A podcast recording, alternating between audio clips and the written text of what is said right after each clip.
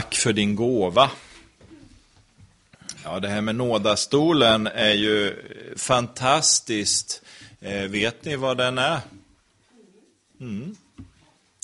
Det var ju så att i templet så hade man ju förbundsarken eh, där man eh, hade Moses stentavlor. Man hade Arons grönskande stav och lite manna. Och det där var ju en, en eh, påminnelse om det som hade varit under uttåget, hur Gud förde sitt folk från fångenskapen till friheten. Eh, och den här förbundsarken, den stod ju i det här eh, rummet som kallas för det allra heligaste. Eh, och dit fick ingen människa gå. Bara överste prästen fick gå dit och det var en gång om året på försoningsdagen. Då skulle han ha med sig eh, blod ifrån en felfri eh, bock som hade offrats. Och så stänkte han då blod ifrån den där på locket som då heter nådastolen. Eh, och då bringades försoning för våra synder. Eh, den andra bocken la han sina händer på huvudet och så bekände han folkets omedvetna synd. Och så skickade man ut bocken i öknen och därifrån kommer ordet syndabock, att lägga sin skuld på någon oskyldig. När Jesus dör på Golgata så rämnar ju förlåten framför detta allra heligaste och vägen är öppen för oss alla in till gemenskapen med Gud. Vi är förlåtna i Jesus Kristus. Och där kommer eh, dagens predikan delvis att handla om eh, vem Jesus är. Temat den här söndagen är ju livets bröd. Vi har kommit fram till midfastosöndagen i kyrkoårets ordning. Eh, den föreslagna texten är ifrån Johannes evangeliets sjätte kapitel. Eh, jag kommer att läsa en text där, men dock lite längre fram än den föreslagna versen. Eh, ja, det är fastetid nu i kyrkoåret.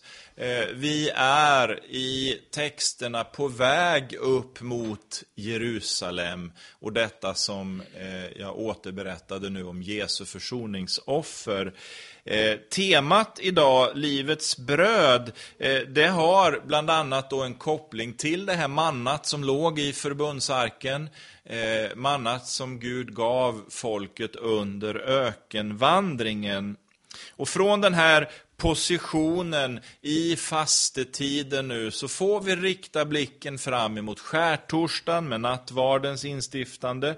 Vi ska ju fira nattvard här idag också. Långfredagen där påskalammet offras och påskdagen som handlar om livets seger över döden. Den här midfastosöndagen blir som en liten vilopaus i den här vandringen upp, mitt i kampen. Det finns ett livets bröd som vi erbjuds, ett bröd som ger oss kraft och styrka i kampen som vi alla har att kämpa i livet. Och vi ska läsa, som jag sa, ifrån Johannes evangelium. Vi ska läsa ur det sjätte kapitlet och ifrån vers 48 och fram någon vers. Johannes 6 och 48. Där säger Jesus Jag är livets bröd. Era fäder åt manna i öknen och de dog. Men det bröd som kommer ner ifrån himlen är sådant att den som äter av det inte skall dö. Jag är det bröd som ger liv, det bröd som har kommit ned ifrån himlen. Den som äter av det brödet ska leva i evighet. Och brödet jag ger är mitt kött för att världen skall leva. Låt oss be. Ja, vi tackar dig, Herre, för det ord som vi har fått läsa. Ditt ord är ett levande ord och vi ber att du helige Ande ska låta det få leva också i våra hjärtan. Dina äran och makten från evighet till evighet. Amen. Ja, nu kliar det i ögat också. Jag kan bara göra en sak åt gången som man, så att jag kan liksom inte prata och klia mig samtidigt. De här verserna som jag nu har läst, eh, de kommer ifrån ett väldigt intressant avsnitt i evangelierna och Johannes evangeliet då specifikt. Eh, för där ställs det på sin spets just den här frågan, vem är Jesus? Man debatterar eh, och diskuterar ganska hetsigt om detta med Jesu person och Jesu eh, kallelse. Det har skapat väldigt eh, skarpa reaktioner. Eh, och här är det liksom ställt verkligen på sin spets. Eh, så jag skulle vilja röra vid frågan, vem är den mannen? Vem är denne eh, Jesus? Och jag tänkte faktiskt göra så att jag studsar vidare till ett helt annat sammanhang i Bibeln en sån här favorittext som man har. Eh, förklaringsberget. Matteus 17 kapitel. Ni vet, Jesus tar med sig tre lärjungar upp på ett berg och där blir han förhärligad inför lärjungarna. Han förvandlas, hans ansikte lyste som solen och så ser de här lärjungarna som är med att Jesus samtalar med några. Och de förstår att det är Mose, och det är Elia som har kommit för att samtala med Jesus. Och efter ett tag hör de att Gud säger, detta är min son, den älskade. I honom har jag min glädje. Lyssna till honom. På det där berget, vid det tillfället, finns det några vittnen som förklarar för oss vem Jesus är. Och det tänkte jag helt kort eh, säga några ord om. Och Det första vittnet, det är Mose. Mose han representerar lagen som då också berördes i sången innan predikan och som jag nämnde om, de två stentavlorna. När vi läser evangelierna så märker vi att just frågan om lagen är en nyckelfråga i relation till Jesus. För det blir alltid strid i samtalen mellan å ena sidan Jesus och hans lärjungar och å andra sidan de här gubbarna som säger att de kan lagen utan och innan. De står och pekar finger mot Jesus och säger, eh, du har ju kommit här och, och, och agerat och säger på ett sätt som sätter lagen ur spel. Du upphäver ju lagen med det du säger och gör. Men Jesus han vänder på det där och säger, nej, nej, tvärtom. Jag har kommit för att uppfylla lagen. Jag för lagen till dess fullkomning. Paulus han skriver i Romarbrevets åttonde kapitel och den tredje versen. Det som var omöjligt för lagen, svag som den var genom den syndiga naturen, det gjorde Gud genom att sända sin egen son som syndoffer. Han som till det yttre var lik en syndig människa och i hans kropp fördömde Gud synden. Lagen är ett första vittnesbörd om Jesus Kristus och den frälsning som Gud erbjuder oss i honom. För lagens syfte är att få oss att förstå vad Gud vill. Och den är god i det att den faktiskt säger till oss att vi är otillräckliga. Vi kan inte klara ut det här själva. Vi kan inte, hur goda vi än är som människor, behaga Gud. Vi kan inte förtjäna Guds kärlek genom våra gärningar. Lagen talar om att vi behöver Jesus. Det andra vittnet, ja, det är ju den andra personen Jesus talar med, han som är Elia, och han representerar profeterna. En skara märkliga gubbar och en och annan gumma också, gumma också som vi har i Gamla Testamentet. Petrus, han var ju en lärjunge, han stod ju lite vid sidan och han såg ju allt det här som hände nu. Han såg hur Jesus talade med Elia. Och han skriver i sitt första brev sen, lite senare i livet, att de här profeterna, de forskade efter den nåd som Gud skulle ge oss. De sökte svar på frågan vilken tid den heliga ande visade dem på när han talar om den härlighet som Gud skall ge oss. Och vi använder många profetord idag när vi talar om Jesus. I Mikas femte kapitel till exempel så läser vi att profeten säger att Jesus, Messias, ska födas i Betlehem. Vi läser i Jesajas 53 kapitel om den lidande tjänaren som skulle ta våra missgärningar, våra krankheter, sjukdomar upp på korset. Daniels bokens sjunde kapitel, den talar om att denne Messias, Människosonen, ska komma tillbaka en andra gång för den slutliga återlösningen. Så det här finns gång på gång hos profeterna, olika utsagor och tilltal om denne Jesus. De sätter strålkastarljuset på honom. Och allt det här mynnar ut i Johannes döparen, den store och siste profeten, som utropade när han såg Jesus, se Guds lam. Se Guds lam som tar bort världens synd. Därför skriver Lukas också ett citat av Jesus.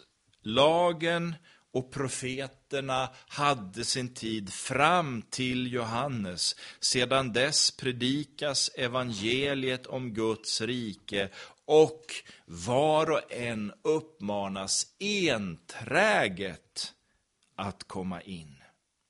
Och då är vi inne på det tredje vittnet som fanns där. Eh, när Jesus kom så bröt Guds ljus in i en värld som var fylld av mörker, av hot och problem. Men med Guds rike etablerades också det tredje vittnet som man kan säga verkar med citationstecken facit i hand. Och det lärjungarna, de här som var med Jesus där uppe, de representerar församlingen. Det vill säga oss som är här idag.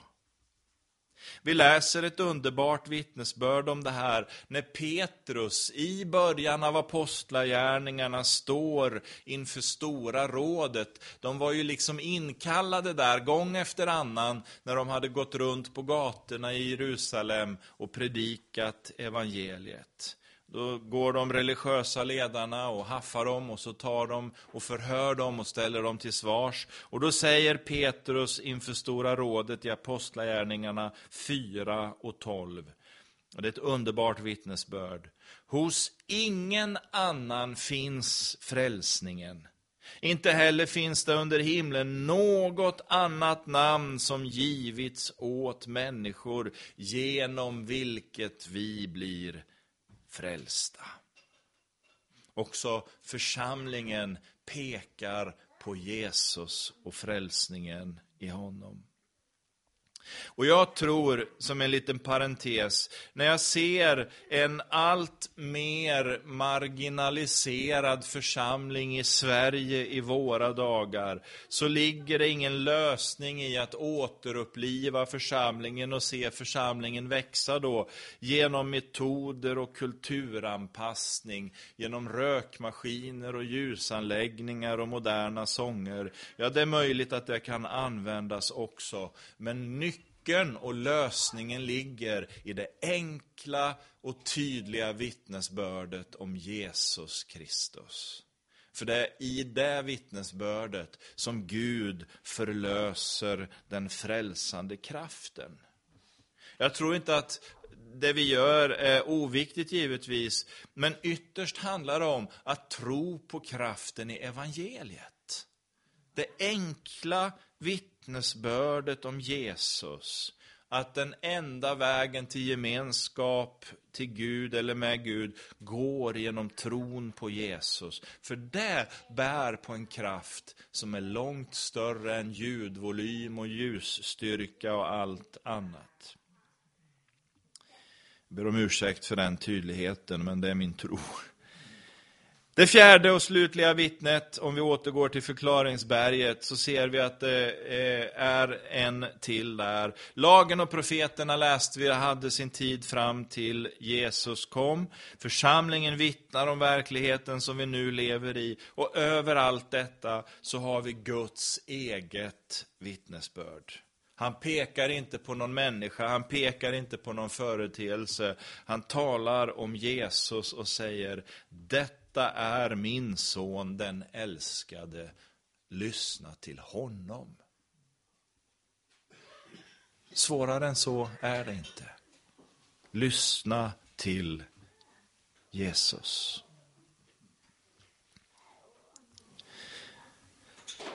När vi lyfter blicken idag märker vi att Jesus är minst lika kontroversiell idag som han var då. Vi ser i våra olika sammanhang hur det spänner när man närmar sig kärnan om Jesus. Det sammanhang som vi har tillhört, Ekumeniakyrkan, har under ett antal år, lite svagare nu, men man har debatterat och samtalat om försoningen eh, på olika sätt. Pingströrelsen har under en period samtalat om medlemskap och dop som ytterst härleds till frågan om vad Jesus har gjort för oss. Vid förra valet av ärkebiskop rördes frågor väldigt tydligt och starkt upp om vem Jesus är i Svenska kyrkan. Och den stora kioskvältaren kanske ändå har varit Ulf Ekmans konvertering från trosrörelsen till den katolska kyrkans tro. Också eh, tankar som för oss rakt in i frågan vem Jesus är. Och vad sa han? Jesus? Jo, han sa, jag är livets bröd. Livets bröd. Era fäder åt manna i öknen, men de dog. Jag är det bröd som kommer ifrån himlen och som ger liv. Den som äter av det bröd som jag har, han skall aldrig någonsin dö lagens och profeternas vittnesbörd, församlingens förkunnelse och Guds bekännelse får oss att förstå att Jesus är unik. Han är inte en historiskt perifer person, han betyder någonting mer. Vi lever i en tid som starkt betonar jaget, vad jag känner, vad jag tycker tycker och vad jag tänker. Vår tid förkunnar oftast att det finns ingenting utanför mig som kan ge mig inriktning och vägledning, för det är ytterst min egen eh, vilja som är det högsta. Och därför är trosbekännelsen ofta var och en blir salig på sin tro. Du som har hört mig predika och du som känner mig vet att jag har skrivit en bok som heter Den brustna förlåten. Eh, och där talar jag om det här, vad korset betyder för oss människor. Och en grundtanke i den undervisningen är just att eh, Bibeln som vi läser är en objektiv auktoritet, någonting som står utanför mig själv. Jag kan inte påverka Bibelns budskap eller innebörd. Eh, jag kan bara förhålla mig till den. Den ger mig inriktning och vägledning för mitt liv. Så Bibeln är en objektiv auktoritet. Och lite som det himmelska bröd som Jesus är, det är någonting som står utanför mig, men som vill fylla mitt liv med mening och innehåll. Det är inte vi som bakar brödet, det är Gud som bakar brödet. Det är inte vi som kryddar och smaksätter degen, det är Gud som gör det. Men han erbjuder oss att äta av den. Och när vi fyller vårt liv med hans ord, med hans vilja, så blir det en näring som ger andlig tillväxt och det ger oss kraft att möta den värld och den situation som vi lever i. Plötsligt bryter evigheten in i våra liv och det gör skillnad för oss där vi går fram. Till sist, om en liten stund ska vi fira nattvard tillsammans. Det är dukat här framme. Och det här med nattvarden är ingen liturgisk rit. Det är ingenting som fyller ut våra gudstjänster sådär en gång i månaden ibland. Utan det är Jesus Kristus själv som inbjuder oss till nattvardens måltid. Han säger, se, jag står vid dörren och klappar på. Om någon hör min röst och öppnar dörren ska jag gå in till honom och hålla måltid med honom och han med mig.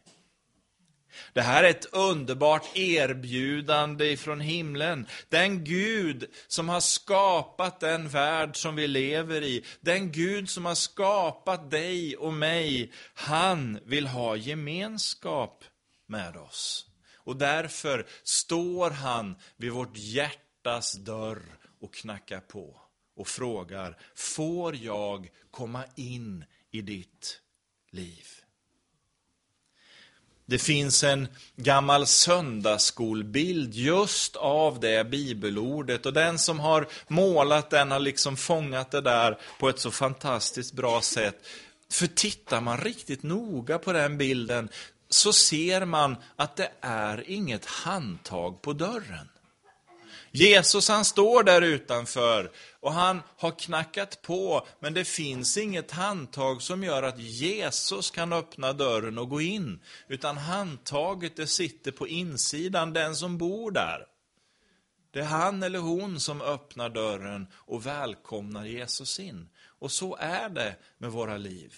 Jesus tränger sig aldrig in, utan enda sättet är att öppna för honom.